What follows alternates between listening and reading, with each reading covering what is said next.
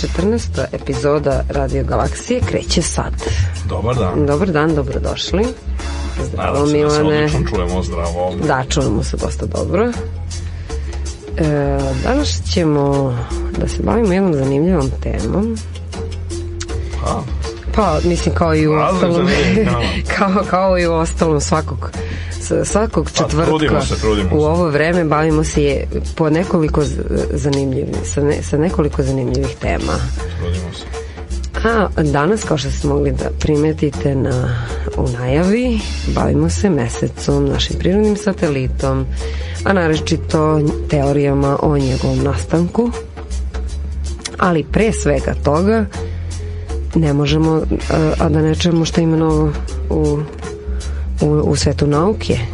Naravno, i ne samo to, nego ima dakle radnih tu lepih i zanimljivih novosti. Ovaj, ajde prvo ćemo neke onako, relativno lepe, možda najlepša vest zaista koja je obišla svet i pojavila se čak i u ovim mainstream medijima, mm -hmm. da ih tako nazovem, mm, a inače je bit će objavljeno, još nije izašao taj članak, ali se pojavio u, u, koji su preprinta na webu e, u Physical Review Letters, sad ko zna nešto mi se zove o istraživačkoj fizici zna da je Physical Review Letters ili od milja PRL a, e, ili samo Letters, neki rekli onako familijarno, najugledniji, najbitniji časopis u fizici kako teorijskoj tako i i takođe s tim što se on baš kako mu ime kaže ograničava na jako kratke na jako kratke tekstove koji obično treba da budu zaista jako visoko kvaliteta e tu će biti objavljen rad japanskog Mm, istraživača materijala e, profesora Shige Yoshi Osaki e, sa, iz, sa medicinskog fakulteta u Nari u Japanu, drevni japanski grad Nara e, koji je napravio ni manje ni više nego napravio je violinsku žicu mislim od paukovih niti i sad, te, dakle on je, on je uspeo da uplete mislim zove hiljade komada, mi se zove paukove svilenih niti, mi se zove da napravi jedan e, set, odnosno o, ovaj, dakle, jedan, jedan, jedan, jedan skup žica za violinu na kojima se može svirati. Pa to je I to je zaista veliko postignuće u okviru fizike materijala. On je zapravo taj projekat počeo 2007. godine, zato što 2007. godine objavio je jedan istraživački rad na tu temu, mislim, zove u časopisu Polymer Journal, koji se bavi baš specifično istraživanjem polimera telomera, odnosno tih nekakvih makromolekula, pre svega znači, u njegovom slučaju organskog karaktera koji nastaju kao posledica metabolizma kod pauka e, i on se bavi istraživanjem osobina, mislim zove te paukovih niti jako dugi niz godina i onda zapravo on je rešio na taj način da spoji nekakva dva svoje interesovanja, pošto s jedne strane mislim zove interesovanje u fizičke, preciznije, preciznije akustičke i mehaničke osobine mm -hmm. niti kod, e, odnosno generalno struna kod instrumenta sa stuna, sa žicama, kako bi se to nareklo, žičanih instrumenta, a, ovaj, su jedna stvar koja je takođe jako interesantna, koju se na kraju krava nauka bavila, mislim, zove, ako ne od antičkog sveta i Pitagora, ono u svakom slučaju u nekom ozbiljnom obliku već od renesanse, mm, tako da s jedne strane sa njegovim svojim interesovanjem za mm, prirodne polimere i njihove znači mehaničke osobine koje su vrlo često, mislim, zove daleko superiorne u odnosu na one sintetičke materijale koje su ljudi u stanju da naprave eh, i zbog toga mi se zove je on rešio mislim da to spoj ispita da bi napravio ovako eh, kvalitetne eh, kvalitetne znači žice za violinu on je mm, uzgajao čitav dug, u dugom vremenskom periodu od više godine uzgajao je 300 mm, paukova misle iz mm, pa, vrste nefila makulata koja je jedna od onih koje su poznate po posebno kompleksnim i složenim oblicima mreža koje, koje prave a, e, i onda je zatim upotrebio, mislim, zove, uvrtao između 3 i 5 hiljada, znači zavisi kako, mhm. kako je procenio, mislim, posmatrajući pod mikroskopom, kako je procenio da mm, kvalitet podjevačih niti, mislim, zove je njih lagano ovaj, uplitao, mislim da, da bi napravio da bi napravio, mi se zove ove, koja ima odgovarajuće, pre svega elastične osobine, mislim, koje su i da bi imao dovoljnu otpornost na e, i elastičnost i otpornost na istezanje, mislim, zove i torziju, koje su, znači, najznačajnije stvari za, da bi se izbeglo da se ali, žica pukne tokom koncerta, što ove, se ponekad dešava, mislim, zove, jeli, mm, na Doduše, koncertima, ali prilično redko, zato što se obično ljudi, mislim, zove, trude da naprave te žice jako kvalitetno i ovi veliki proizvođači violina proteklih vekova na, ove ovaj, Stradivari još slični su ove, ovaj, zapravo na neki način razvili i postavili vrlo visoke standarde na to koliko e, dugo mislim može da se koriste mislim za ove žice koje su oni napravili tako da ovo u principu predstavlja novu konkurenciju i to je kako on kaže mislim za ovaj intervju koji je tim povodom pošto ta vest zaista ove, ovaj, obišla svet i jako interesantna i, i, i zanimljiva sa više stanovišta on je rekao kao izjavio da je anketirao nekoliko znači profesionalnih violinista koji su mu mhm. rekli mislim da, da je Yeah. ovaj, da je zvuk sasvim zadovoljavajući, čak su mu neki rekli, mislim, zove da dobiju da ima nekakve nove nijanse, se zove zvuka koje, koje oni nisu pre, nisu, nisu pre nailazili, tako da, eto, nečega, mislim, zove što istovremeno predstavlja jako deo i, i ovaj, prirodnjaštva, a i ovaj, uživanja u muzičkoj umetnosti.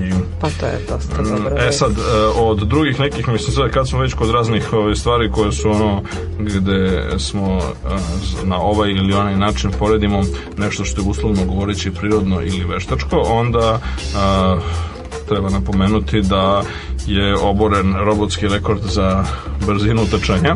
Mm. Naime, eksperimentalni robot nazvan, robot. eksperimentalni robot nazvan, mislim kako i mu i priliči čita, je ovaj, postigao, mislim zove, da brzinu od 29 km na čas, mislim zove, na onoj ovaj, traci za, mhm. za trčanje, mislim zove koja se nalazi tako po raznim ovaj, džimovima i fitness centrima, ali boga mi nalazi se i u ovaj, takozvanoj DARPI, odnosno Defense Advanced Research Project Agency, mislim zove koja je e, vojna, mislim zove vojna, glavna, znači ajde da kažemo vojno-tehnička institucija, mislim zove američke vojske koja je e, ovaj, razvila, mislim zove robote koji su u stanju da trče, mislim da dakle i e, ovaj ranije, ranije, raniji rekord je bio, mislim zove nešto manje, mislim zove ispod 20 km na čas, ovaj je sad robot na četiri noge zaista trči. E sad, naravno, neko će da reći, mislim zove što bi, neko da? će reći sad što bi, kog vraga, na neko ovaj, trčao kad ovaj, može da se kreće na točku ima mnogo brže ili eventualno gusenicama i tako je. Međutim, ima raznih razloga zbog kojih, da kažemo, prirodni stvar koja je evoluirala prirodnim putem, mislim da je kao što je kretanje na izvesnom broju nogu, dakle sad zavisi koliko, ovaj, već koja vrsta, znači taj neki životinski dizajn, da, da se tako i to izrazimo, zašto, zašto je on ovaj, koristan i zašto ima smisla razvijati ga i za za robote.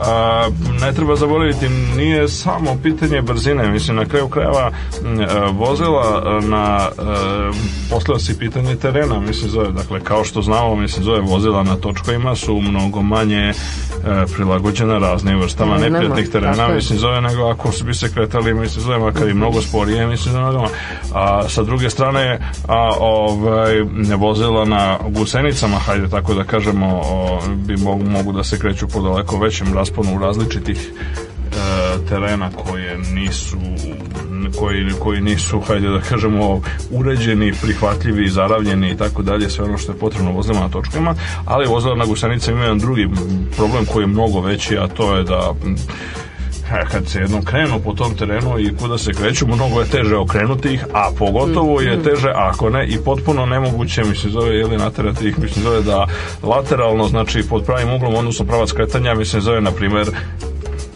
izbegavaju, mislim, zove i vejduju, mislim, zove nešto, mislim, zove recimo neprijateljsku vatru. na, ako govorimo o tehnologiji, mislim, zove koja treba da bude i primenjena na bojnom polju. I e, onda u tom slučaju, u tom smislu je kako se ispostavlja taj moguće da priroda i evolucija nije za slučajno, mislim, zove, je li razvila e, to da se živa biće životinje kreću na nogama, a ne na recimo na nogosenicama ili točkovima. E, ima nekih živih bića koje se kotrljaju, ovaj, do duše, kad god mogu, ono, u celini neke vrste insekata i slično, nema ih mnogo, ali svejedno i one imaju noge, mislim, zove, bez obzira što da. koriste kotrljanje. Tako da, izgleda da ima tu nečega, mislim, zove, posebno u, recimo, cik-cak kretanju, mislim, zove, koje je gotovo, ne, koje je nemoguće izvesti, mislim, zove, sa gusenicama, a vrlo teško sa točkovima, e, ali sa, ako imate noge, onda je to daleko lakše. Tako da, no, zanimljive su te stvari, mislim, zove, pitanje šta može da se konstruiše, mislim, zove, je li, odnosno, odnosno znači potpuno sad nezavisno od toga mislim zove naravno da je bilo zanimljivije mislim zove da ovaj, da se konstruišu mislim zove stvari kako bi se reklo isključivo za miroljubive primene ali neki bi rekli mislim zove u kanju instanci i to predstavlja napredak u odnosu na u odnosu na ovaj, dosadašnje i sadašnje stvari mislim na kraju krajeva ako će u budućim nekim ratovima ako uopšte mislim će biti ratova u budućem mislim zove ako će pa bolje da ginu roboti mislim zove nego ili ljudske bića mislim Znači, pa čemu onda da, ratovi? Tako da, e, to je naravno drugo, drugo duboko, da to je duboko filozofsko pitanje koje verovatno takođe se na, na njih može da takođe odgovori ista ta teorija evolucije, samo što to mnogo komplikovanije, o tome smo govorili u jednoj od prethodnih radiogalaksija kada smo govorili o sociobiologiji, a, a mhm. možemo se vratiti na to u nekoj narednih Absolutno, emisija SBL. Da. E, i konačno još jedna e, zanimljiva e, vest, stiže se Antarktika, Naime, kako stoje stvari, na Dartiku se dešava tuđinska invazija. E sad, dakle, hmm. ovaj, sve u svemu, ovaj, Antarktik je na udaru, mislim, za raznih, ovaj, raznih tuđinskih vrsta biljaka i životinja i neki naučnici su prilično uznemireni ovaj oko toga kako stoje stvari dakle, dolazi kako stoje stvari dakle kada su neki ljudi mislim tamo otišli u istraživačke postaje na Antarktiku um, da vide kakva je tu situacija sad ovog proleća i leta koje se završava mislim za polako na Antarktiku počinje zima čisto radi i naši slušalci bili u toku dakle tamo o, ovaj, kad je počinjalo leto mislim za pre jedno 6-7 meseci mislim za ljudi su otišli tamo da, da vide mislim za da obiđu razne baze instrumente i to je slično i onda su našli na veoma čudne stvari naime recimo Čičak, na primjer. Sad svi znamo šta je mhm. Čičak. Čičak se nahvatao ljudima iz čista mira, mislim, zove jako pre toga, mislim, zove pre toga su ljudi znali da nema nikakve e, lokalne domicilne vrste koja na Antarktiku, mislim, koja proizvodi one čičke, mislim, zove što vam se late za odeću, obuću i slično. Pa I kako stoje stvari, mislim, zove izgleda, mislim, izgleda da po obodima najjužnijeg i naj, najgostoljubivijeg kontinenta na zemlji se počeli da se pojavljuju razne biljke životinje koje su tu došle, doplovile ili pak doletele, mislim zove iz, recimo iz Patagonije na primjer, sa ognjene Aha. zemlje e, i sa drugih nekih kop, kopnenih masa koje su više na severu. I to je veoma interesantno, zato što neko bi očekivao to ipak prilično velika udaljenost. Tako. E, tako da nije baš tako jednostavno, mislim, zove čak bez obzira što Patagonija, odnosno preciznije o, ognjena zemlja ili Tierra del Fuego, e, koja je na, najjužniji deo mm, američkog kontinenta, odnosno Južne Amerike, e, je relativno blizu Antarktiku kad pogledate na mapu, ipak su to u pitanju stotine, mislim, zove pa i hiljade kilometara, nešto više od hiljadu kilometara, dakle, a ovaj, sve u svemu čini se da nekakve stvari mogu da ali ovaj, doplivaju da i mislim zove na, na neki način kao uhvate se za ledene sante, sad ledene sante se kreću u raznim smerovima, mislim zove pa onda neki od njih se vrate nazad na Antarktik pa se tamo istope pa onda kao posle kad dođe leto ili se smanji njihova e, veličina, tako da sve o svemu je invazivne vrste, mislim zove su izgleda već stigle tamo. E sad naravno, pitanje te prirodne, prirodnih invazija koje se dešava često, tu čak mislim ljudski faktor mm. ne mora da predstavlja da igra nikakvu ulogu, je jako zanimljivo pitanje. Mnogi ljudi, postoji jedna debata koja se vodi u ekološkim krugovima, pa i u posljednje vreme i u bioetičkim krugovima oko toga, mislim zove sad da li je to nešto što, da li je je to nešto, mislim, zove u šta ljudi još treba da se mešaju, mislim, zove, ili ljudi mhm. još treba da rade. To je interesantno pitanje s jedne strane, mislim, to je slično pitanju šumskih požara sad, ajde da kažemo dobro, u zadnje vreme, nažalost, zbog antropogeničkog globalnog zagrevanja, mislim, zove, ljudi su stvorili uslove da ima više požara, pa onda uslovno govoreći se ne može, uh, ne može se negirati nekakva uh, ljudska odgovornost koja nije neposredna, nego je, kako bi se reklo, što bi rekli ovi etičari, proksimalna odgovornost, jeli, a to, znači, ljudi su na neki način, ovaj, uh, na neki način imaju, su stvorili uslove da se poveća intenzitet. Ali zamislimo, recimo, ranije, u, na primjer, stvarima 19. veku, početkom 20. veka, kada su neki prirodnjaci tadašnji, recimo ljudi kao što je bio John Muir, na primer, koji je jedan od ono, velikana te zaštite divljine, hajde da kažemo, e, o, kada su oni počeli da, osnivač čuvenog Sierra kluba i tako mhm. dalje, o, ovaj, dakle, oni a, u to vreme su izbijali takođe šumski požari, znači šumski požari izbije potpuno prirodno, bez ljudske, ljudskog udicaja. I sad, da li čovek treba da gasi šumski požar ili ne? Sad, vrlo interesantno pitanje. S jedne strane, šumski požar jeste jedna, mislim, zove strahovito destruktivna stvar koja uništi jako veliki broj, na kraju krajeva ubije jako veliki broj živih bića i biljaka i životinja koje se nađu zarobljene šumskim požarima, a sa druge strane opet neko će reći pa to je sasvim prirodna stvar, to mora tako da se dešava, na kraju krajeva šume su funkcionisale milionima i stotinama miliona godina do danas, mislim, zove na, na taj način, tako da bolje da se ljudi ipak ne mešaju teška debata. Ista ta stvar se ponavlja, mislim, zove kada diskutujemo o prirodnim mhm. invazivnim, o invazivnim vrstama koje ono doleću, doplivavaju, bivaju nanošene i tako dalje. E, dakle, mm, to je jedna od stvari zbog čega je razvitak bioetike mislim, jako aktuelna stvar i zbog čega mislim, zove ljudi takođe sve više diskutuju o, o, o tome. E, jedna od stvari, mislim, zove sad naravno što sam taktika tiče, mislim, zove to svakako da je ta i ta vrsta ta, ta vrsta povećane interakcije mi se zove verovatno bila također donekle olakšana mi se zove globalnim zagrevanjem, a takođe i tim saobraćajem koji na kraju krajeva vodi jer izgleda da neka recimo od semenki biljaka na primer se nahvataju na brodovima ljudskim na primer i onda kada, koji saobraćaju na primer da bi snabdevali baze na Antarktiku kao što je recimo ili na onim ostrovima koje su e, koje su relativno blizu Antarktike kao što je recimo ostrovo Južna Đorđija i slično Dakle, mm, e, ono što je jasno jeste da, mm, da su, s jedne strane ljudi su istraživali i to i evo sad u najnovijem tom nekom izveštaju koji se radi o tome e, je e, jedna od stvari koja jeste da mm, zapazana postoji takozvani ugovor o Antarktiku koji specifikuje mislim za kako se koriste u miroljubive svrhe i tako dalje kako se ne eksploatišu mislim zove razne industrijske razne stvari na Antarktiku i tako dalje kako i koje su za koje zemlje učestvuju u, u mm, korišćenju, mislim, zove Blaga Antarktika mm, i u tamošnjim istraživanjima i drugim stvarima jeste s jedne strane, međutim tamo ne piše ništa, mislim, zove o tim nekakvim e, tuđinskim vrstama koje su slučajno uvedena ili koja je slučajno pojave na Antarktiku.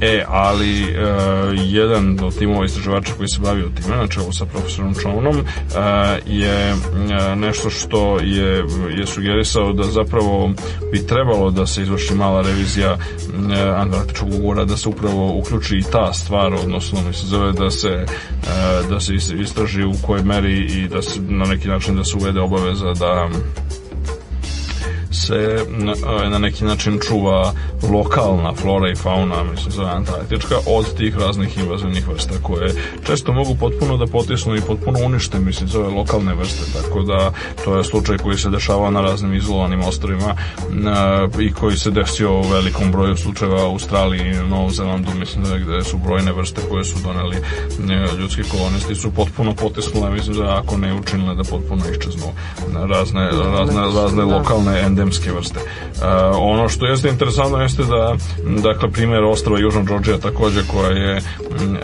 recimo bila prilično pust ostrovo dok nisu Gde se ljudi nalazi? pojavili.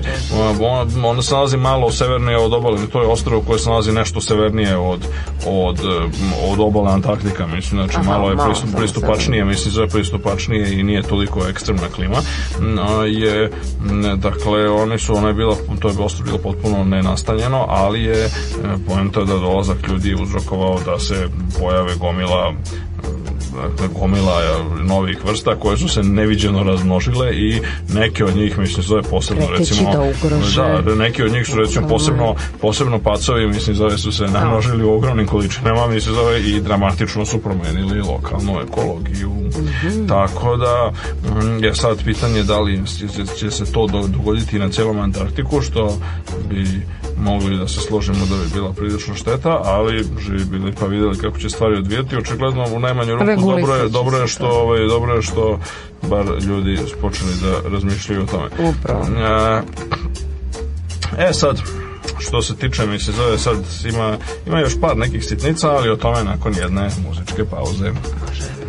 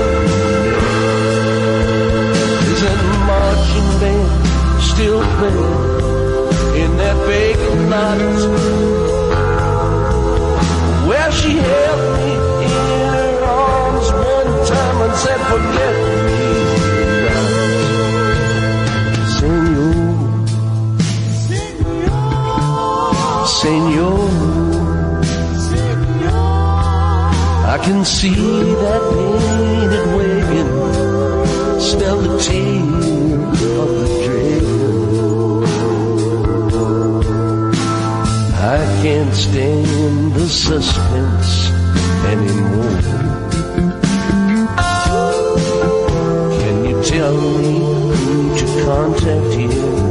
Say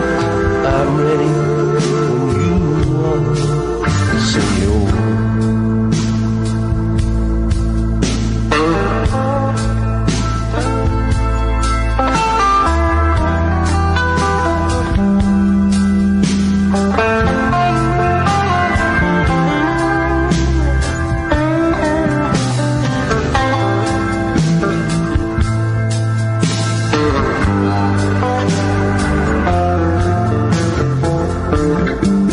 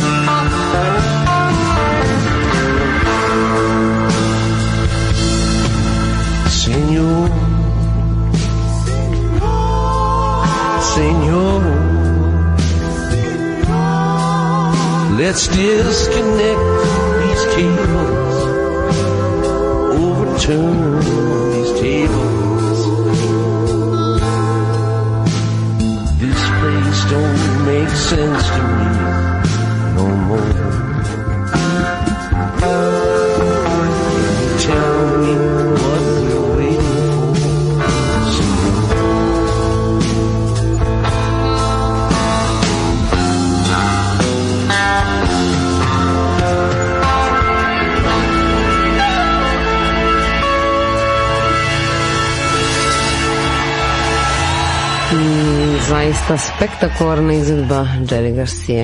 E, da, vratili Bob smo se malo, vratili smo se malo u stare, dobre, 60. i da. 70. Pa tako, tako, Jeste. to je to. E, o, da. Hoćemo da nastavimo vesti. Jeste, možemo. Dakle, ima tu mm. još par nekih vesti, ali hoćeš prvo da nam kažeš pa nešto može. o da. nedelji, da. o svesti o mozgu Brain ili kako god bi se to moglo ovaj, kod nas prevesti. Da, nedelja svesti o mozgu. Pa e, od 12. E, do 28. marta u Srbiji će se obeležiti ta globalna akcija obeležavanja e, e, ne, svesti o mozgu i to je ta naučno popularna manifestacija ona će se održati na nekoliko različitih e, lokacija a sve sa ciljem da se malo bolje upoznamo i skrenemo pažnju na E, na, na postojanje pre svega, a onda i ovaj probleme i ostale i funkcionalnost centralnog nervnog sistema.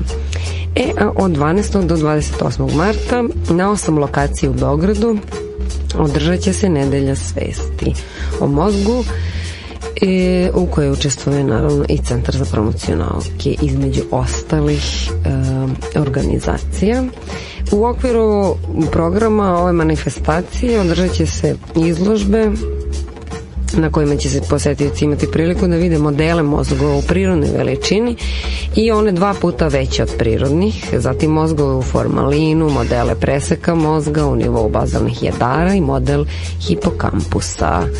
Pored toga, izložbe, izložba će uključivati i zabavne tekstove, slušne vizualne iluzije, ilustrovane postare sa temama funkcije i oblasti mozga kroz istoriju i danas, mikroskope sa preparatima zdravog i bolesnog mozga, pamflete i tako dalje. U foajeu Kulturnog centra Beograda, u koji se ulazi iz Kolarčeva ulice, bit će organizovane izložbe radova psihijatrijskih pacijenata i dece sa autizmom iz četiri psihijatrijske institucije i ono što je zanimljivo jeste da će se u programu ove manifestacije E, naći i pozorišna predstava Radovan III u izvođenju psihijatrijskih pacijenata specijalne bolnice dr. Slavoljub Bakalović iz Bršca. I to će se desiti u ustanovi kulture Vukaradić. U galeriji nauke i tehnike Sanoa takođe će se biti neke demonstracije, interakcije sa posetiocima, ali takođe a, tu će biti ono, svaki dan po jedno predavanje, e, to naučno popularno predavanje iz ovih oblasti koje se vezuje za centralni nervni sistem i generalno e, za mozak, poremeće i zablude, bolesti. Pa i ne samo to, one te mračne neke teme, nego i one neke malo tipa humanoidni robot na kor do granice ljudske svesti ili i tako dalje.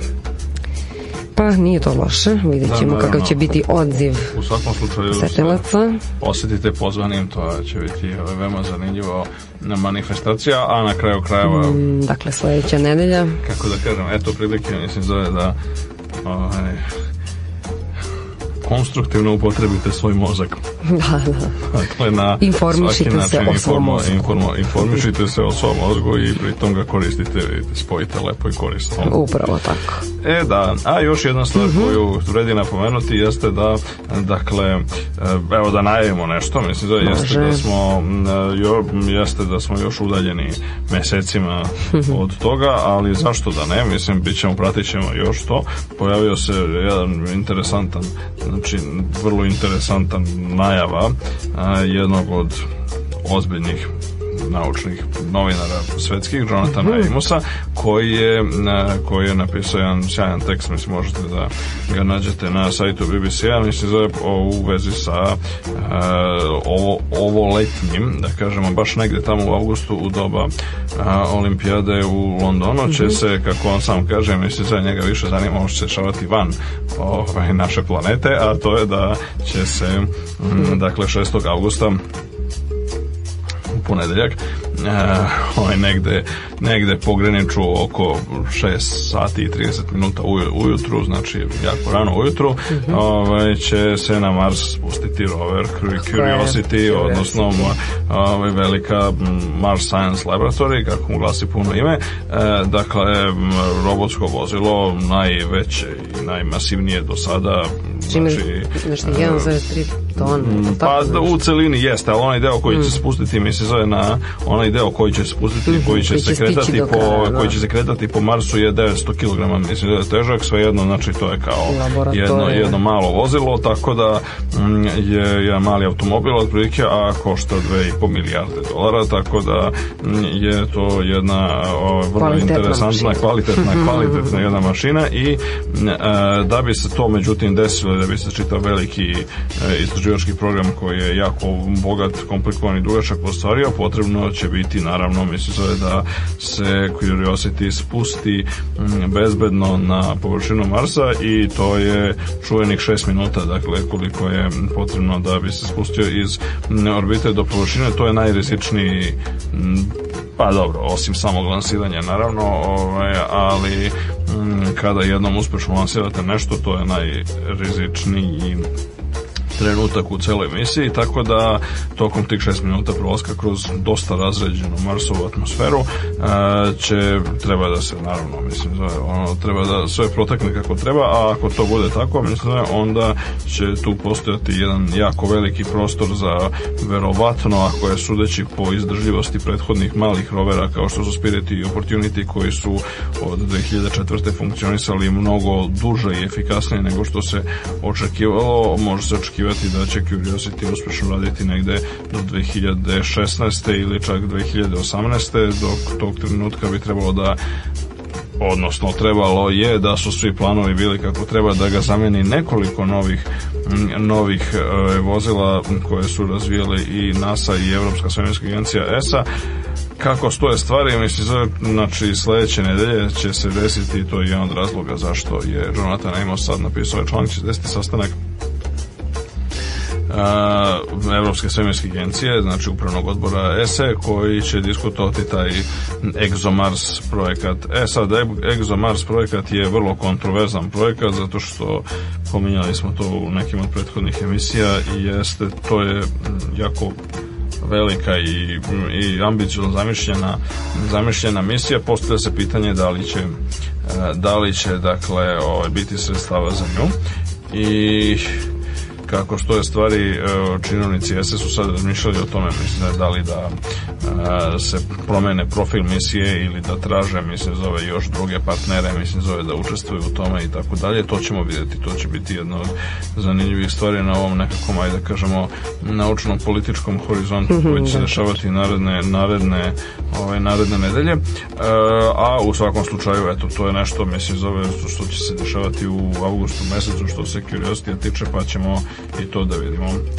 I e, a, još jedna stvar koju možemo da počnemo našim čitavcima u, a, e, na sajtu BDSA u rubrici Život kroz nauka pojavio se za divno čudo opet neki dobar tekst, meni se zove, pošto su takvi sve ređi i ređi. A, e, Slobodan Bubnjević je napisao tekst o uticaju sunca na, dakle, on je taj, on je izašao još prošlog petka, ali je svejedno, mislim, zove veri ga preporučiti i dalje, zato što ima tu zanimljivih stvari ali kao je jako lep video o uticaju sunčevog vetra na nastanak polarnih svetlosti, znači znači Aurora Borealis i Aurora Australis, znači severna i južna polarna svetlost su proizvod interakcije malih nalektisanih šestica i sunčevog vetra sa zemljenim magnetnim poljem i onda m, mm, nastaju te divne zavese svetlosti raznih lepih boja No naravno ima također jedan lep antrfile tu koji e, mm, demantuje nešto što nažalost se moglo da se pročita mislim u svim mogućim domaćim medijima uključujući i neke od politike od kojih čovjek ne bi očekivao baš toliki pad u domen pseudonauke a to je e, izvesni naš meteorolog e, Milan Stevančević koji je m, mm, dakle tu lansirao genijalne pod navodnicima ideje da je upravo sunčeva aktivnost odgovorna za veliki sneg i takođe mislim zove da sneg i kiša ne potiču od vodene pare nego od čestica sunčevog vetra i slično. Naravno to su sve gluposti, ali ljudi su mislim zove jako skloni da veruju tako raznim glupostima, pogotovo kad ih promoviš u mainstream mediji i sad naravno mislim zove politika je to uradila opet na inicijativu i pod rukovodstvom svog legendarnog Stanka Stojkovića, dakle čoveka koji je e, napravio više štete mislim se zove u nauci i promociji nauke u Srbiji nego, ja mislim, bilo ko drugi, e, pošto je, mislim, zove on već jako dugo vremena mm, e, otkriva tako nekakve budalaštine i gluposti poput ove Stevančeviće teorije, takođe lansira one razne genijalne ideje tipa, ne znam, ono, srpski naučnici, ono, ono izbili na prvo mesto u, ne znam, oblasti XYZ molekularnoj biologiji ili, ne znam, arheologiji ili bilo čemu drugom koje onda brže, bolje, mislim, zove, budu iskopirane na sajtu nekadašnjeg ministarstva nauke, sada prosvete i nauke i onda se na taj način zapanjujući je odličan primer kako se mistifikacije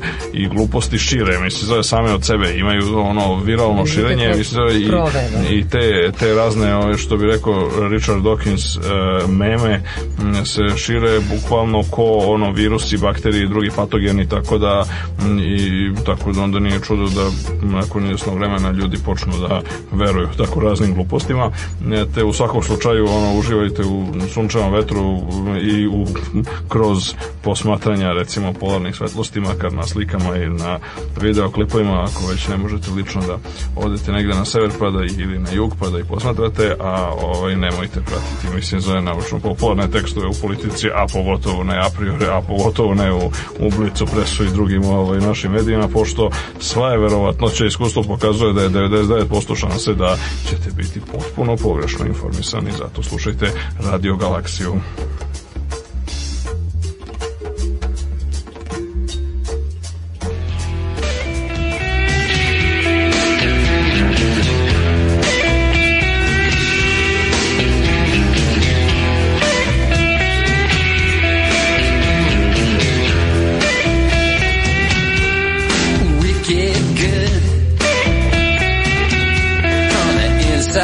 up. But now I'm down to wait. No, I can't get out. But you could get across. with me.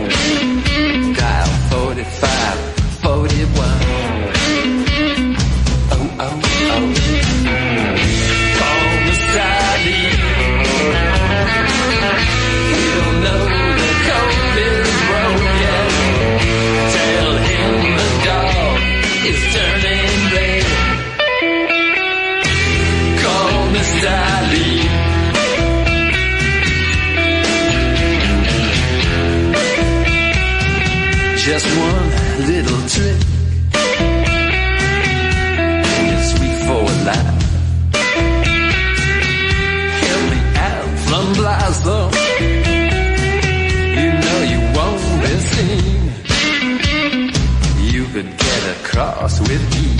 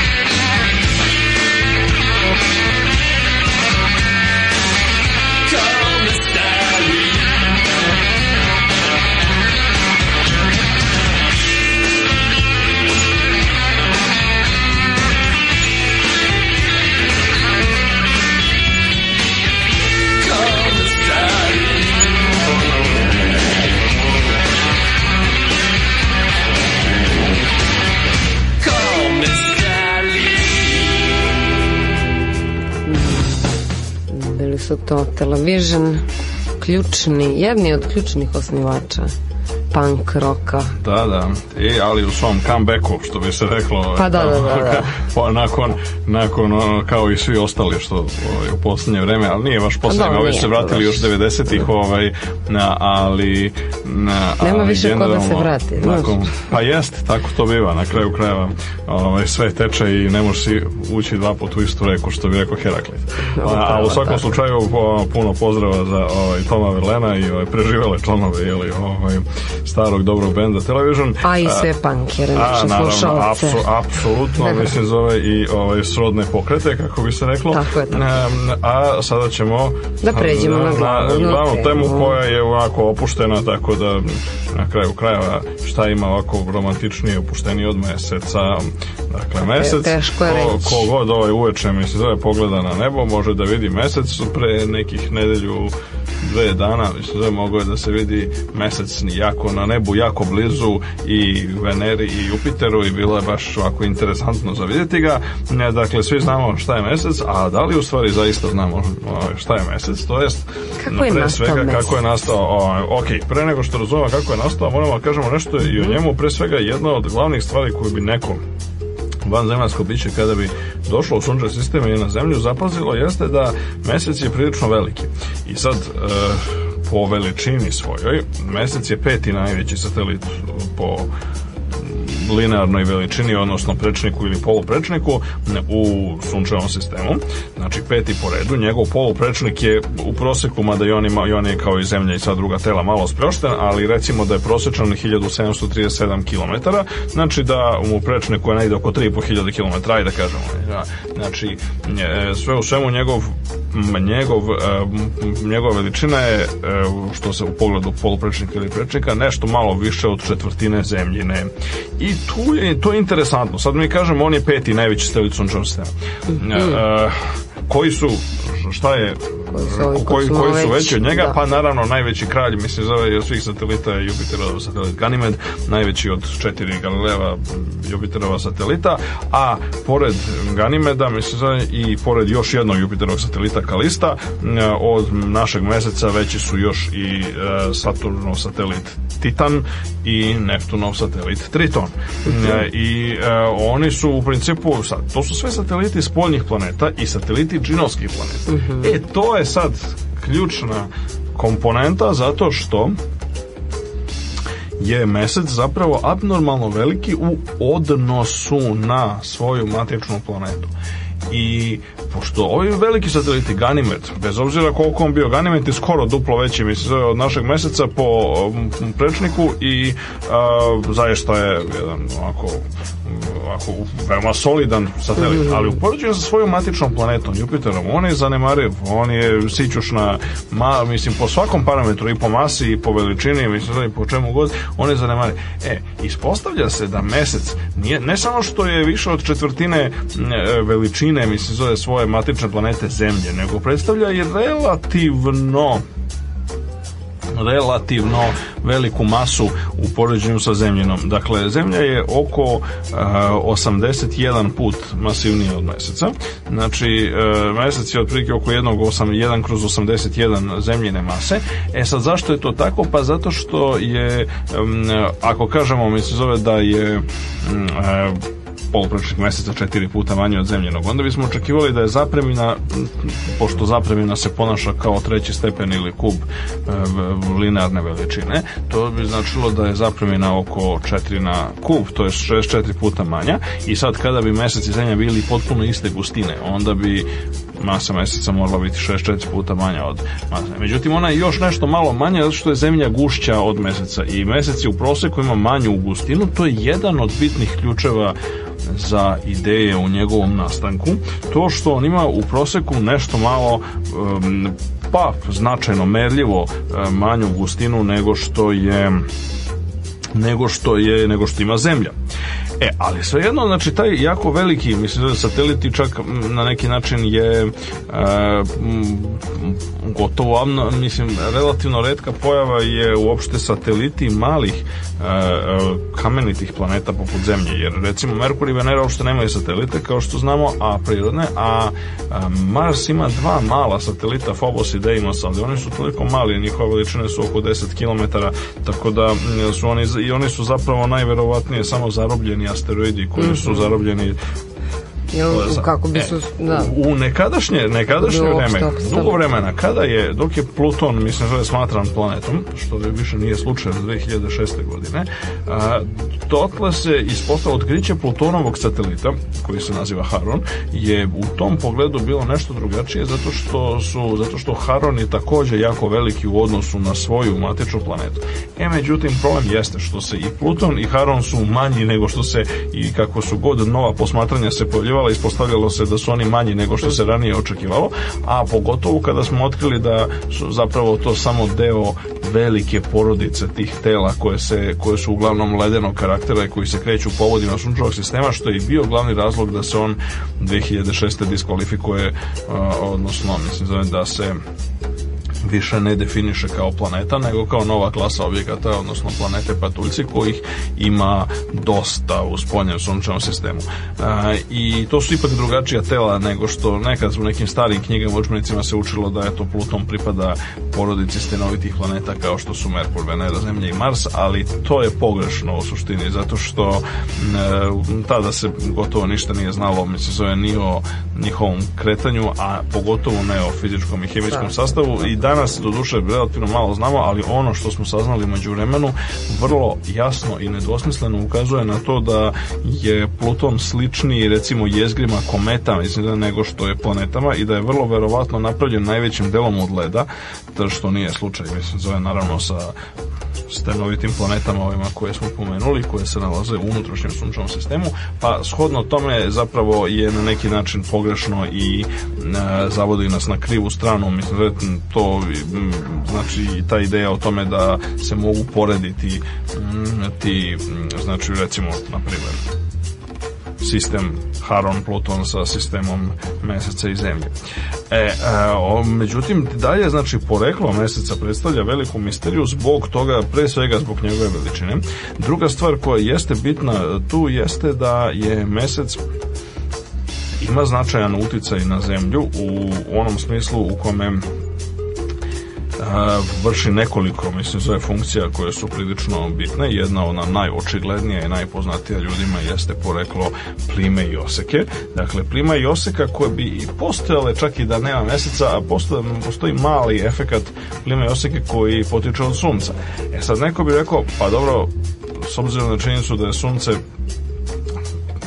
toliko veće, mislim, zove od meseci od zemlje, i da je sunčevo gravitacijono polje recimo um, na udaljenosti ovde gde se nalazi zemlja i dalje recimo jače nego što je gravitacijono polje meseca zato što je jednostavno sunce toliko veliko i mm, dominira celim sunčevim sistemom zašto onda zbog čega onda ne, je mesec taj mislim za koji za kome pripisujemo plima i oseke i najveći deo plima i oseka a ne sunce a zašto bi kada bi mesec nestao u kojim slučajima bi plima i oseke i dalje postojale bi se dramatično smanjile mislim, znači smanjile bi se mislim na možda jedno peti ili deseti deo, mislim, zove svoje sadašnje, sadašnjeg intenziteta. E, odgovor na to zanimljivo pitanje je bio dugo vremena velika misterija, bile su velike nagrade nuđene, mislim, zove tamo u e, 17 veku, mislim da, da bi se ne, ovaj, razrešilo to i ispostavilo se zapravo kao što su Newton i njegovi e, naslednici pokazali da zapravo od posljedica, to je posljedica zanimljive činjenice da za razliku od normalne gravitacione sile one uobičajenog ukupnog privlačenja između dva tela koja kao što kaže veliki ovaj, klasični Newtonov zakon gravitacije opada srazmerno, obrnuto srazmerno kvadratu rastojanja, tako da ako mi udaljimo dva tela na duplo veće rastojanje, njihova gra, međusobna gravitacijono privlačenje će se smanjiti četiri puta. Za razliku od toga, plimne sile zapravo se ponašaju obrnuto proporcionalno kubu, odnosno trećem stepenu rastojanja, tako da ako mi dva tela mi se udaljimo, onda plimne sile, znači taj efekat koji potiče od toga što nisu u pitanju tačkaste mase, nego su u pitanju rasprosta četvrta tela eh, bi se smanjio 8 puta. E, shodno tome, pošto mesec je mnogo bliže od sunca, onda mesec je inače prosečno na udaljenosti recimo oko 380. Njegova udaljenost jako varira, znači između 360, 2000 i 405.000 km, znači obično se za srednju vrednost uzima nešto oko 380, 384000 km, dakle to je mnogo, mnogo manje nego što je udaljenost između zemlje i sunca, koja je prosečno ta, ta udaljenost se naziva astronomskom jedinicom preostalo iz nekih starih vremena kada je malte ne sva astronomija bila u sunčevom sistemu i ona iznosi oko 150 miliona kilometara.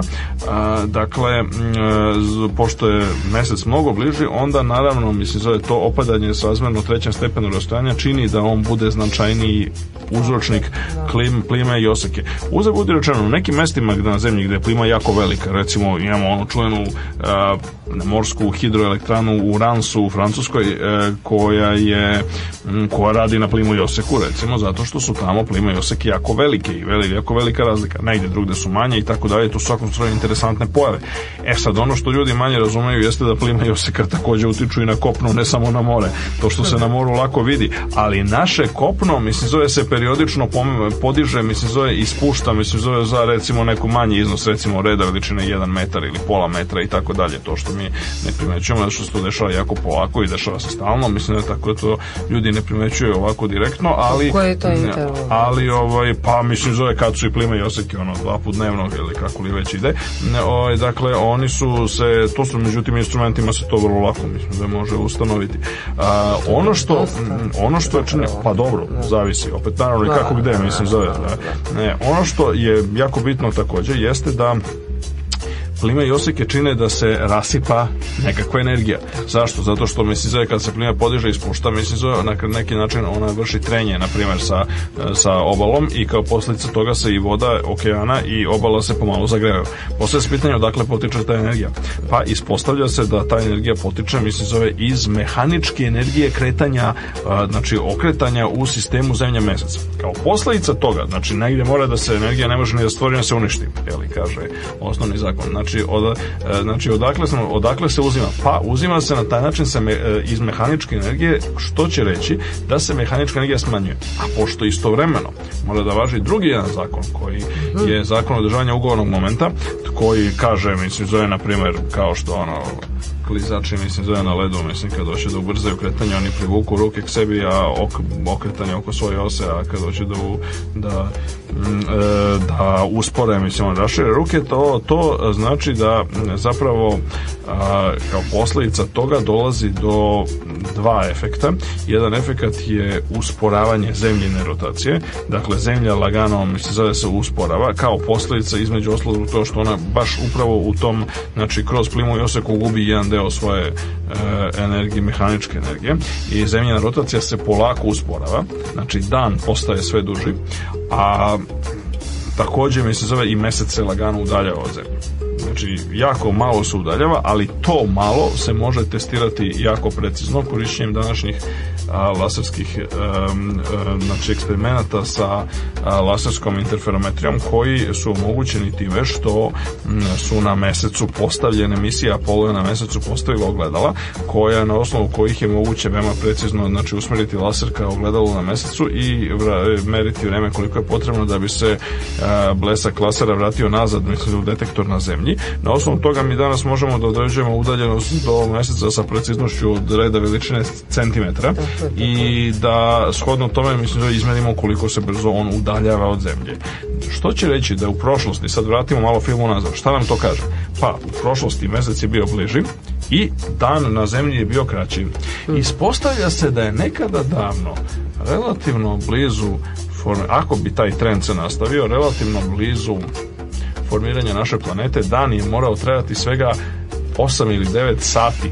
Znači planeta se okretala mnogo brže nego što se nego što se okreće danas i uh, ako je e, pa recimo mislim zove u periodu od na primjer a, da kažemo, mislim, zove par stotina miliona godina nakon formiranja naše planete, mm -hmm. a, a, znači negde, recimo, ajde, kažemo, pre 4 milijarde godina, pošto se ona, ona nastala pre 4,5 milijarde godina, a, ovaj, onda je, e, e, i to je, mo, i ne samo to, Ako je taj trend vratimo nazad, to znači da mesec je tada bio mnogo bliži zemlji i izazivao je ogromne plime. Dakle, u to vreme, zamislimo recimo da smo u stanju da se vratio pre 4 milijarde godina, pa plimni talasi su bili takvi da su maltene prelazili preko celih kontinenta. Dakle, mislim se, e, situacija na zemlji je bila mnogo dramatičnija nego što je danas. Jer e, visina plima, mislim zove, je bila po, e, setimo se opet, znači, je obrnuto sazmerno trećem stepenu rastojanja. Znači, mi vratimo mesec, ga dovedemo, na primjer, da bude 10 puta bliže nego što je danas, to znači da će plima biti hiljadu puta veća. Znači, ovaj poanta jeste da biste tada, tada bismo imali kilometarski visoke talase, mislim zove, koji bi se ono dva puta dnevno prelazili preko kontinenta.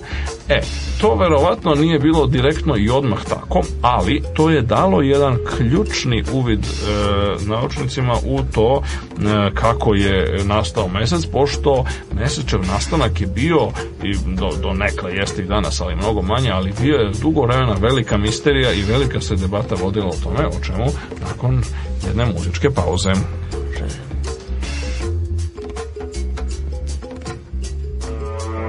thank you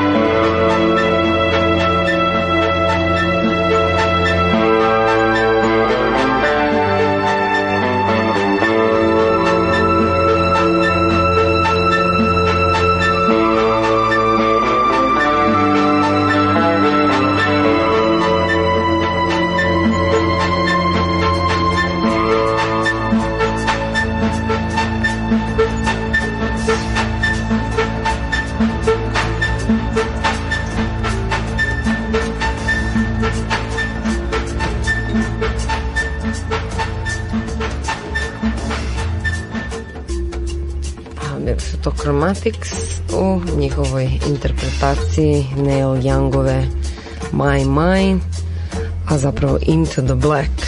A mi se vraćamo na priču o mesecu. E, da. I o njegovom nastanku zapravo. Jeste. E, tu smo ono došli, što, došli smo na to. Ono plan. što je, e, ono što jeste ljude fascinalo maltene od onog početka jeli, civilizacije jeste e, ideja o tome kako je mesec nastao. Mesec je u raznim kulturama imao i sa drevnim kulturama i religijama imao posebno značenje i je posebno bitan i svi znamo, mislim, zove to na neki način je, je ostalo, moglo bi se reći ne samo u kulturnom i istorijskom, nego do nekla, mislim, zove vero, verovatno, mislim, zove čak i, čak i u, ovaj, što bi se reklo, kolektivnom nesvesnom.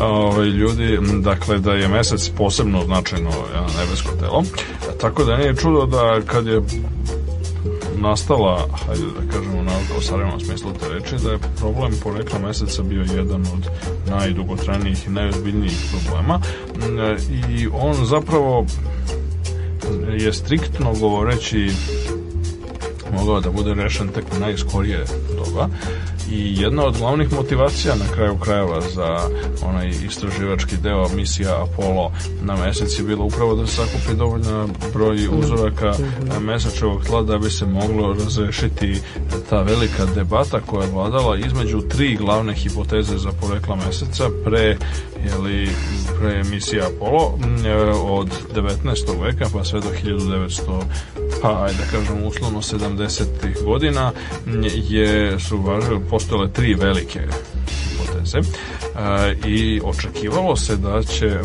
rezultati misija Apollo, znači sletanja ljudi na mesec, prilikom je donet jako velika količina uzoraka, bez obzira što su neki uzorci iz meseča ukla bili doneti ranije automatskim sondama, to je bilo jako malo u poređenju sa velikom količinom, mislim u pitanju su stotine kilograma koji su astronauti bili u stanju da donesu na zemlju u okviru misije Apollo.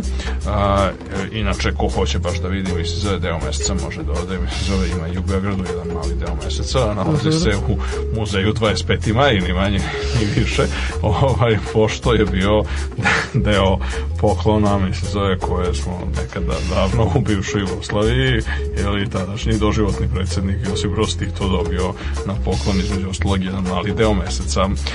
E, e dakle, ono što je, da dakle, ima, ima, ima bilo jako mnogo uzoraka, znači u mnogim laboratorijama širom sveta se nalaze velike količine, znači materijala sa meseca, e, tako da je to bio glavni i odlučujući mislim, faktor u e, rešavanju te misterije mesečevog porekla. A pre toga, dakle, valile su tri teorije. Interesantno je da prvu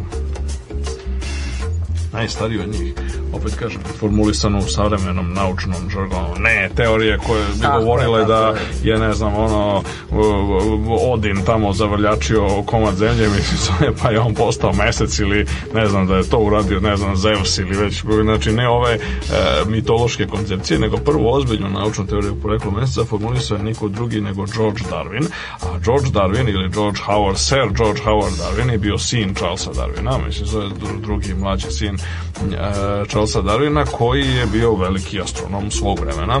E, bio je profesor i to ima to, to, ta, ta čuvena, mislim se zove takozvana, ja ne znam kako bi to pravo kod nas, Plumian Chair, znači posebna katedra, mislim zove na Cambridgeu, e, koja je najuglednija, mislim se baš upravo astronomiju, je, je između ostalog, je on tamo predavao je predsednik Britanskog kraljevskog astronomskog društva, znači najstarije i najuglednije astronomske asocijacije na svetu. Vrlo m, mm, ovako jedan ugledan čovjek, zanimljivo. Mislim, naravno, bio je i ostao je dalje u senci ili svog oca Charlesa Darwina. Zanimljivo je da je za razliku od svog oca bio mnogo u više prihvatan i uvažavan u svoje doba, što se između ostalo ogleda u tome da je dobio plemičku titulu, recimo, koju Charles Darwin nikad nije dobio, pošto su ipak njegove, njegove tvrdnje evolucije su bile suviše pa kontroverzne, pa, dobro, kontroverzne za konzervativni establishment. Da. tako da. Dakle, to. Međutim, George, da, George Darwin je bio, mislim, za, e pa dobro, što se prestiža tiče, ovaj, George Darwin je bio jako prestižan i on se između ostalog bavio, mislim, za upravo proučavanjem efekata plima i oseke i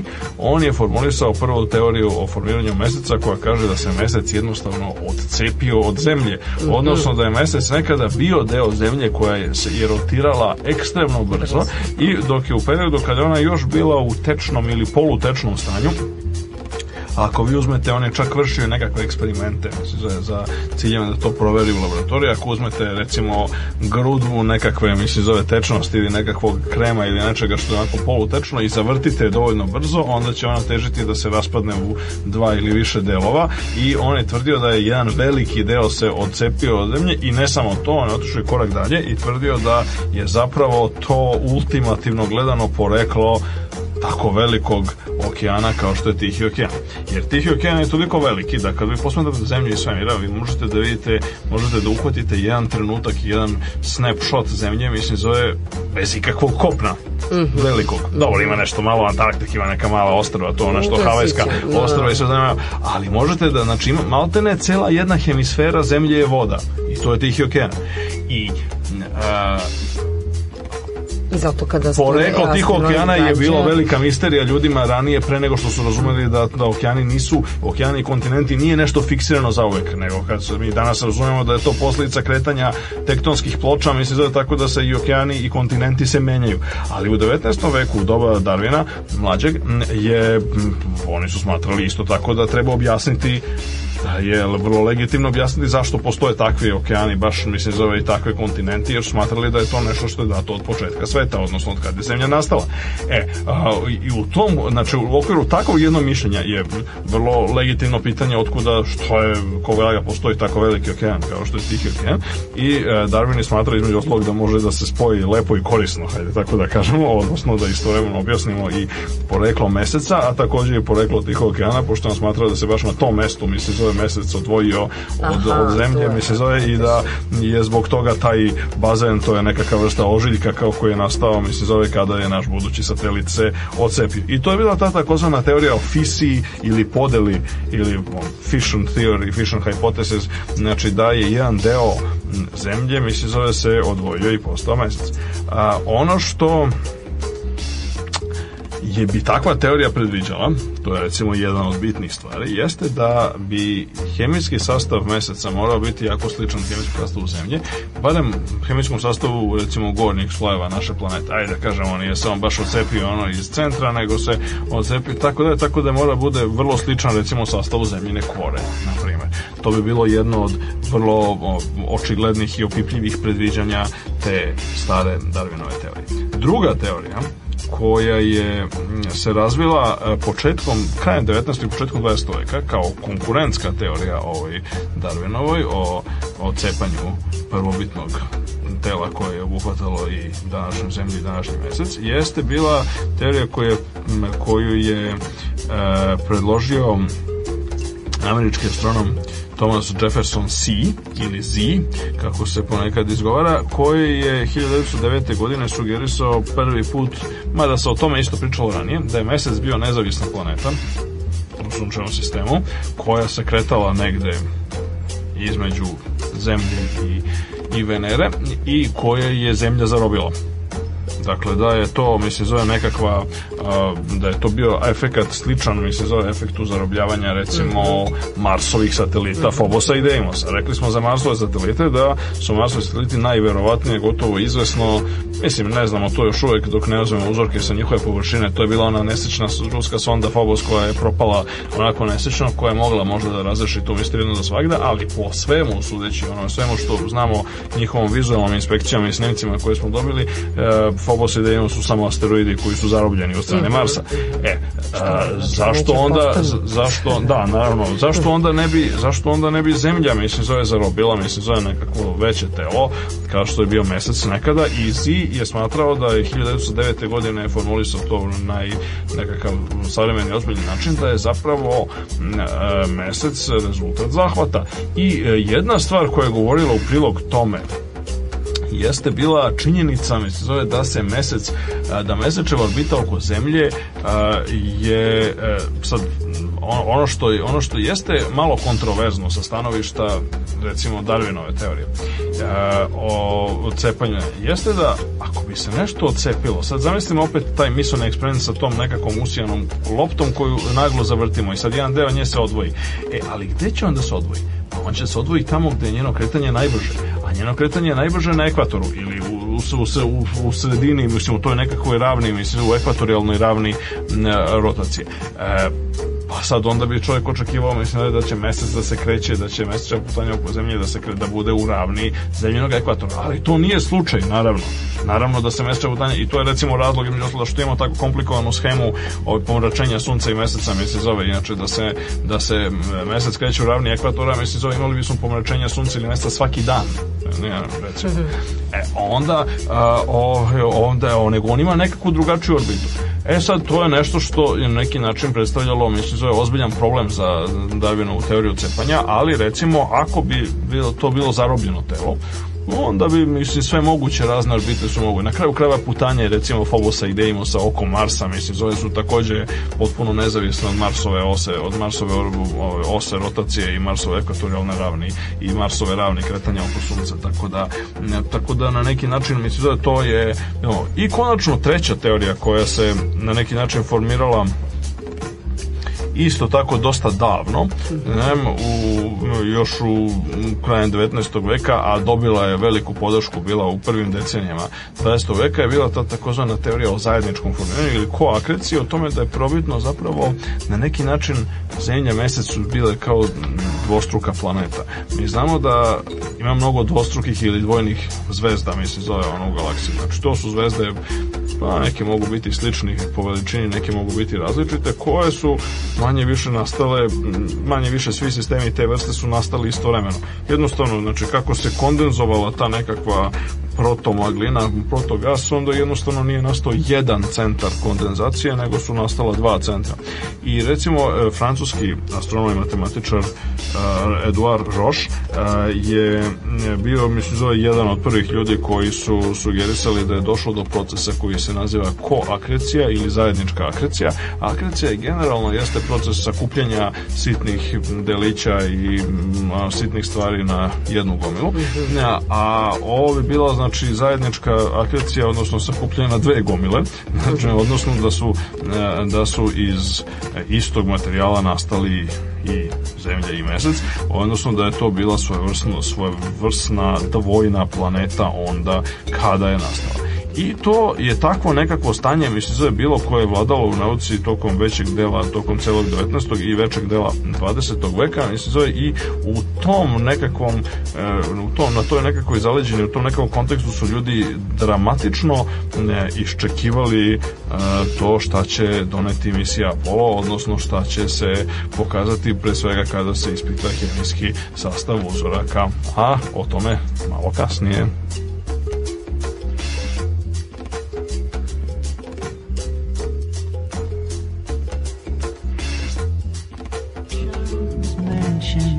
Your heart's intentions, we'll find out. We'll find out. Is your mind mistaken? Is your conscience not at ease? We'll find out. We'll find out. Do you strive to deny each kindred spirit in the room? We'll find out. We'll find out. And it's your highest pleasure now. The misfortune of fools.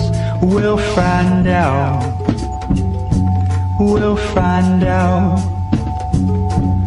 You hide nothing. Just believe it. We all see it.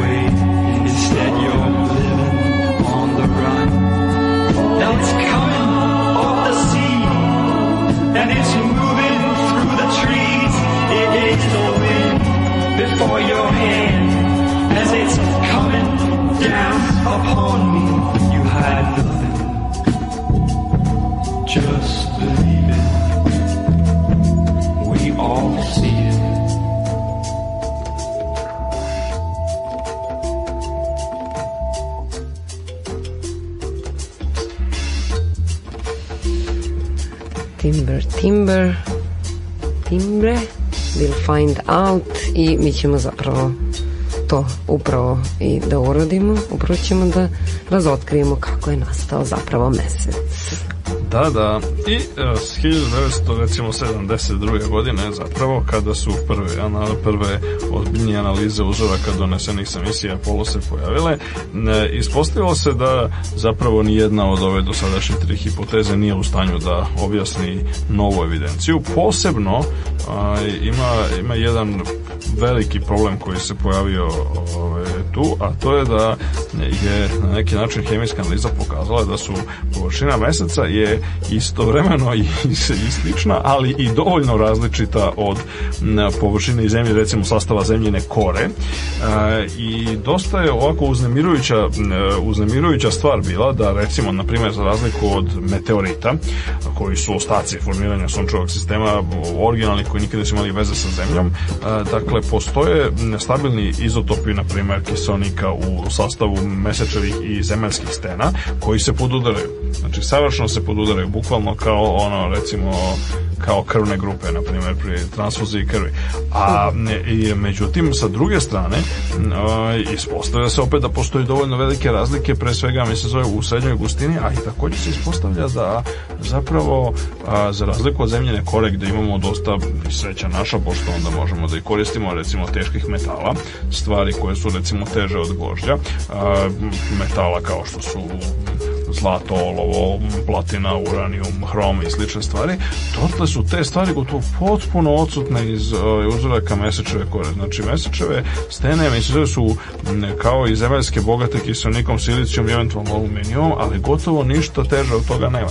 A istovremeno, mislim, recimo, taj kiseonik je praktično identičan kao onaj koji imamo na zemlji. I to je E, bila e, glavna stvar koju apsolutno ni jedna od ove tri hipoteze praktično nije mogla da objasni i ono što je umjesto toga se pojavilo i iskristalisalo nakon jedno još, ajde da kažemo, deseta godina e, vatrenih rasprava nakon prvih rezultata misije Apollo jeste nova četvrta i kako stoje stvari najbolja teorija za objašnjenje mesečevog porekla e, jeste i koje da, koja zapravo svi na, naknadni nalazi mislim, su, su potvrdili i to najrazličitije različiti nezavisni eksperimenti, tako da možemo smatrati da je to zaista najbolje objašnjenje koje imamo a, porekla meseca, a to je takozvani Big Splash.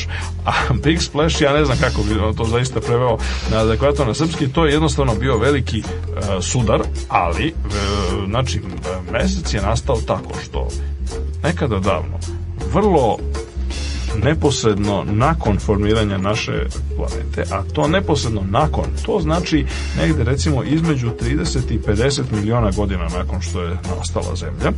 Znači jako, jako brzo u geološkom i astronomskom kontekstu. Setimo se, Zemlja je nastala pre oko 4,5 milijardi godina, kao i ostatak sunčevog sistema i ne samo to, nego danas možemo da precizno kažemo da je Zemlja nastala pre 4 milijarde 556,4 miliona godina, znači sa jako velikom precizom prednošću, prednošću boljom od jednog dela u hiljadu, što nam pokazuje koliko dobro ta nova nauka, nuklearna geohronologija je u stanju, mi se zove, da odredi trenutak kada se zemlja, kada se zemlja nastala kao nezavisno telo ne, i mm, to je znači tada bilo precizno, koji... e, a nekih recimo 50 miliona godina kasnije.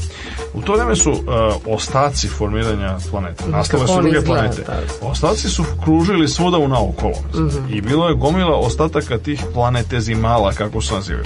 E sad, ti planetezimali su bili mali u poređenju sa planetama, ali to su bile, to je bio bukvalno restlovi, da kažemo, i onaj jedan škart preostao nakon formiranja planeta. Koji su Zašto, hemijski sastav?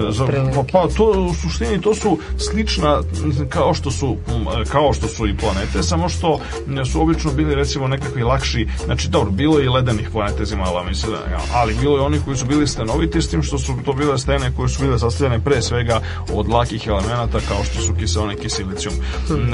I A, one su nastale isto tako, mislim zove, akrecijom i formiranjem malih čestica prašine i kondenzacijom gasa kao su nastale i velike planete. E, samo što ti planete zemlje nisu stigli da se priključe ni jednoj od velikih planeta u nastanku, nego su i dalje kružili u naokolo i pošto očigledno da ih danas nema, nešto je moralo da ih ukloni, a to mhm. nešto što ih uklonilo jeste, jesu pre svega sudari sa planetama jedan deo je bio izbačen, jedan deo jednostavno se nije sudario, nego je prošao dovoljno blizu planeta, tako da dobije dovoljno veliki, veliki impuls, dovoljno veliko dodatno kretanje da bude izbačen iz sunčevog sistema potpuno.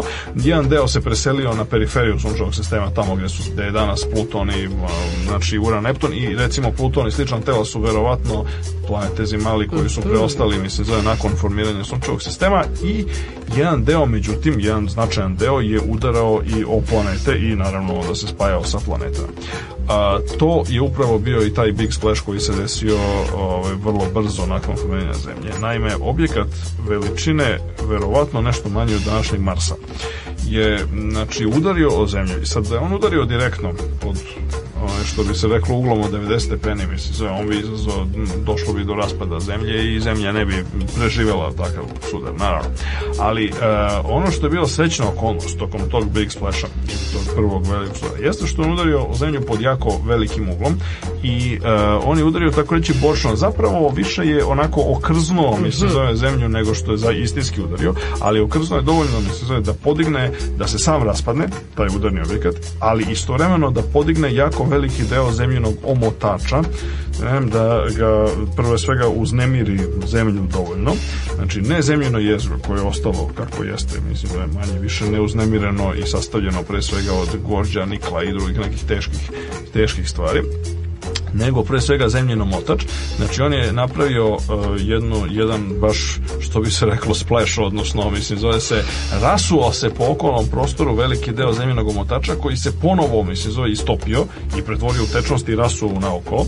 E, a onda kako se naravno rasuo nakon tog nakon tog te strahovite kataklizme, onda su ti fragmenti koji su prvo bili tečni su se ohladili i, i očvrsnuli, tako da su formirali ogromnu gomilu malih stvari, malih tela koje su sada bila u orbiti oko zemlje i činile su prsten, sličan Saturnovom prstenu. Uh mhm. -huh. E sad, taj prsten je bio mnogo manji po veličini od Saturnovog prstena, a ali ono što jeste interesantno jeste da je imao mnogo veću masu nego što imaju svi Saturnovi prstenovi zajedno.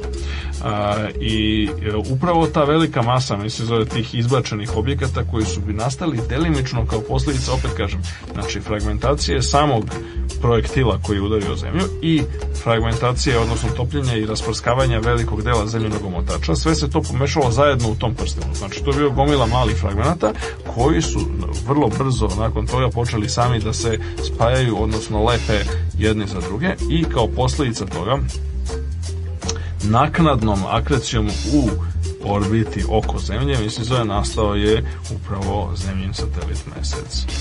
I a, za, a, e, to je upravo, znači, ta takozvana, znači, hipoteza a, e, sudara ili, ili, ili Big Splash je ono što najbolje objašnjava e, i sličnosti i razlike koje postoje između zemlje i meseca.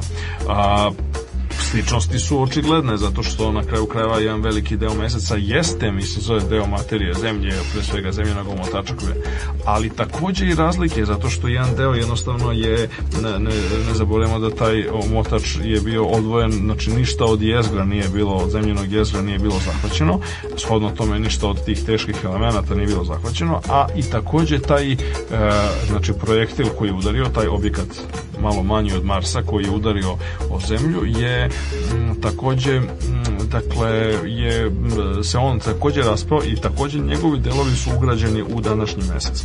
Tako da je na neki način i sličnosti i razlike su se mogu objasniti ovom teorijom. Takođe jedna vrlo bitna stvar jeste da je e, taj sudar je strahovito promenio rotaciju zemlje i e, on je e, učinio, mislim zove, da je da uspori. Izbacivanje, upravo tako, znači izbacivanje a, e, ovoga omotača je također odnelo jedan deo tog ugonog momenta koji je originalno bio u zemlji.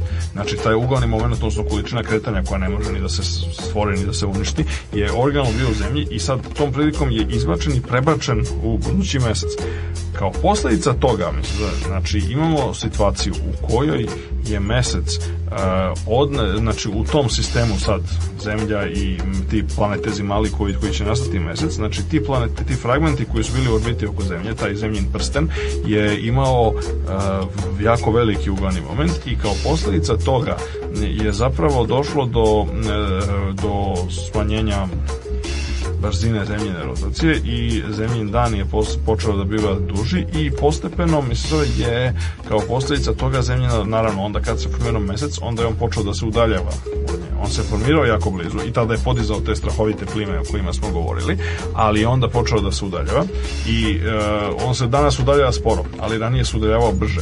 I, znači što je bliže može se pokazati te veće plime troše rasipaju veću mehaničku energiju, tako da onda one moraju i da više uzrokuju da se on udaljava. Tako da je on relativno brzo u početku, a posle sve sporije i sporije se udaljava od zemlje.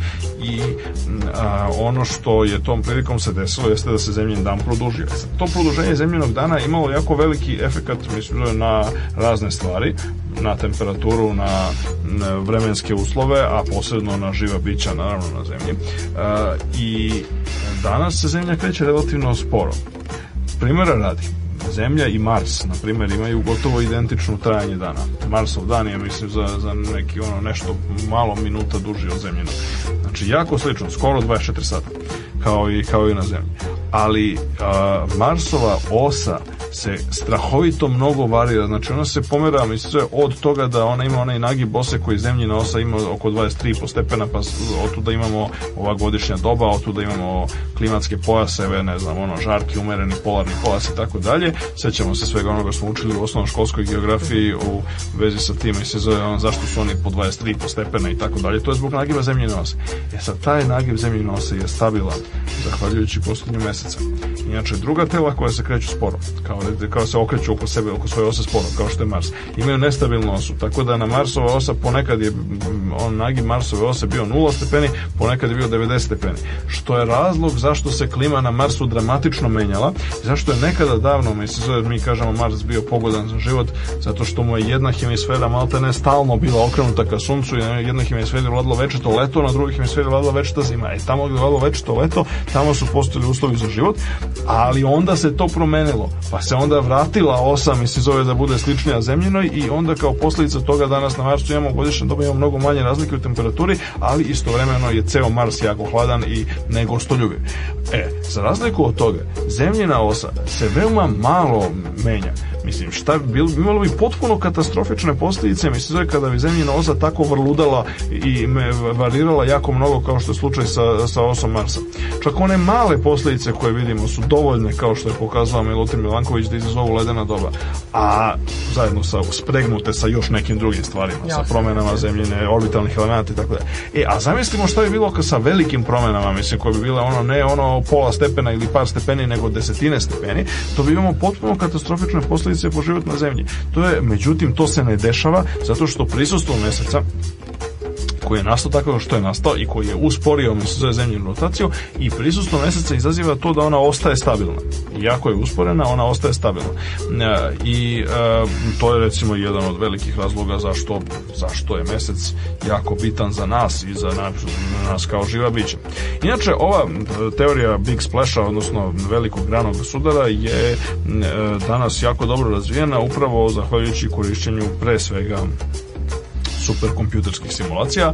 Dakle, imate na, na mnogo mesta, mislim, zove na internetu, posebno recimo na sajtu Laboratorije za planetarne nauke Univerziteta u Arizoni, gde se nalazi verovatno najveća, takozvani Lunar, Lunar and Planetary Lab, je se nalazi verovatno najveća laboratorija baš za posvećena planetologiji i tamo, tamo se mogu pronaći razne filmići i sličice u visokoj rezoluciji i slično kako izgleda uh, hidrodinamika, mi se zove tako jednog velikog sudara. I korišćenje velikih superkompjuterskih Twittera e, je danas moguće dobiti jako lepe slike o tome kako je taj originalni Big Splash izgledao. E, kako stoje stvari, mislim, zove sve do sadašnje eksperimenti, sve dosadašnji nalazi, sve kasnije emisije na mesec su pokazale da jednostavno je to ono što je e, taj sudar tog objekta koji se ponekad naziva u nekim konvencionalnim nazivima se naziva Teja, to je bila, mislim, zove, to je bio, znači, jedna od Titan, ki mi se zove drevnoj grčkoj mitologiji, mi se zove je taj objekat koji je, koja je bila inače majka Selene, koja je kao boginja meseca, tako da zbog toga se ponekad mi se zove ta naziva Teja, mi se zove taj objekat koji udari u zemlju, to kako što je stvari je je ono što je najbolje objašnjenje koje imamo danas za poreklo našeg prirodnog satelita i to unogom objašnjava na ono što smo govorili na samom početku, a to je e, zbog čega je mesec toliko veliki. Pa mhm. on je veliki u tom smislu reči zato što je, je posljedica jednog a priori govoreći jako malo verovatnog slučaja. Znači taj, takva, takva vrsta sudara, mislim zove, jeste da tih planeta planetizimala bilo mnogo, ali svejedno takva vrsta sudara pod, e, pod velikim uglom koji bi, koji bi izazvao, mislim, zove potonju kondenzaciju dobrog dela tog materijala, jeste nešto što je relativno redko, što se desilo slučajno i na neki način dobro je što je to jo, tako, dobro. pošto je to ono što pošto je to ono što smo ove što je ispostavlja se bilo jako pogodno za evoluciju života na zemlji.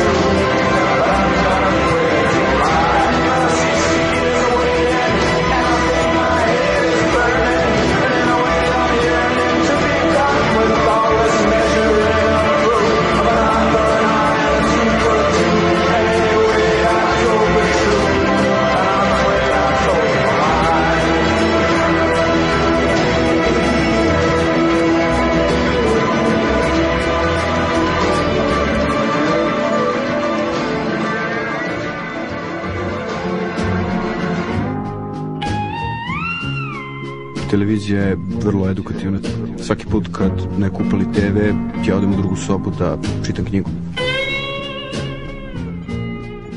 Prljava knjiga nikad nije prašnjava.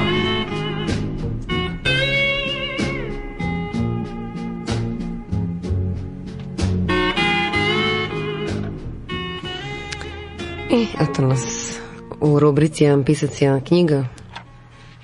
A danas François Marie Arouet ili kako se već izgovara o, ore, pa ore, ne. Aure, ja Aure. Zapravo poznati pod knjižnim pseudonimom Volter i Candid. E da, znači Volter je jedna od glavnih ličnosti e, prosvjetiteljstva, o njemu se sve zna, ovo je jedna e, hmm. klasična knjiga, mislim, dakle, Candid je napisan 1759. godine, e, u okviru jedne, eh, hajde da kažemo, eh, kao jedna filozofska satira, pod naslov ove novele je optimizam, znači Candid ili, ili optimizam i ono što je ova znači potpuno jedna od najklasičnijih knjiga je jako interesantna i dan danas i iz mnogo razloga čak često, mislim, zove u naučnim tekstovima, često nalazimo na, recimo, na pominjanje posebno jednog od likova iz kandida, profesora Panglosa, koji je na neki način učitelj i mentor mladog kandida koji je glavni lik i po kome se po kome roman i nosi ime. Znači, profesor Pangos je učenik Leibnica i smatrao je da je ovaj svet najbolji od svih svetova i onda vrlo često imamo ovaj, da se čak i koristi kao termin panglosijanizam, a to je jedno neopravdano uverenje da je recimo nešto se dešava najbolje ili najoptimalnije ili da je to nešto do čega je recimo posebno u kontekstu biološke evolucije se to vrlo često koristilo da bi se ismejavala ideja o tome da e, su one karakteri koji su su postoje danas najoptimalniji mogući ili da je već priroda to usavršila do potpunosti Bolji i tako, da, i tako dalje. Ne, I e, krajnje, znači, na neki način e, Kandid predstavlja slično kao, na primjer, Don Quixote predstavlja jednu parodiju, mislim, zove viteških i ono, romana o nekakvim lutanjima, putovanjima i tako dalje, gde ono parodira razne klišeje iz tog žanra, avanture, e, romanse i tako dalje, jer, e, znači, mladi kandid koji je živao jednim izolovanim životom, onako neki bi rekli ispod staklenog zvona, odjednom kreće na put i onda razne čudne stvari se dešavaju, a njegov učitelj, profesor Pangloso, stralno ukazuje da to šta god se dešava mora biti ne mora biti da je jako dobro. Tako da, za sam kraj, mislim, ove scena koja je inače inspirisana bila velikom katastrofom koja se desila par godina koji u vreme u Volterovog života i par godina pre nego što je on napisao kandidat 1755. 1. novembra preciznije je tadašnji jedan od najvećih u to vreme gradova Evrope Lisabon je bio gotovo u potpunosti sravnjen sa zemljom strahovitim zemljotresom do kojeg je došlo 1755.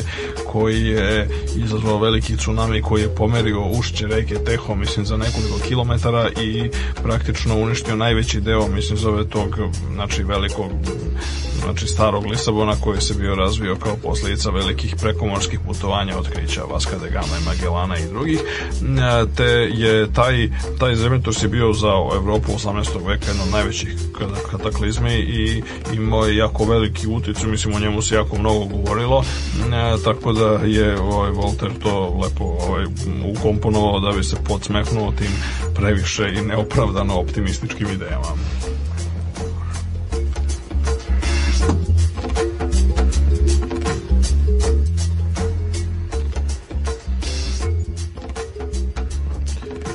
Polovina putnika iznemogla i skoro na izdisaju od nesvatljive strave koju izaziva ljuljanje broda, e, potresa na čas vamo, čas namo, nije dovoljno snage da se uzrojava opasnošću.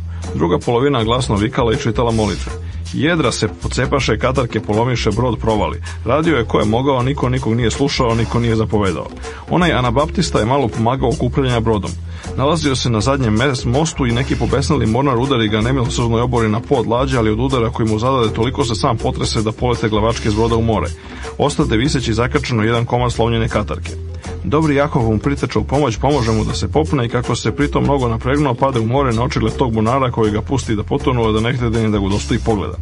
Kandid priđe, vide svog dobrotvora kako za trenutak pojavi na površini da bi ga zatim voda progutala zanavik. On htede da skoči za njim u more, ali ga filozof zadržao od toga dokazujući mu da je Lisabonska luka bila stvorena posebno zato da se taj anabatista u njoj udavi. Dok je on to sve dokazivao a priori, brod se razbije i svi se podave, osim Panglosa, Kandida i onog ubijice Murnara koji se beše utopio, zbog koga se beše utopio plemeniti Anabaptist.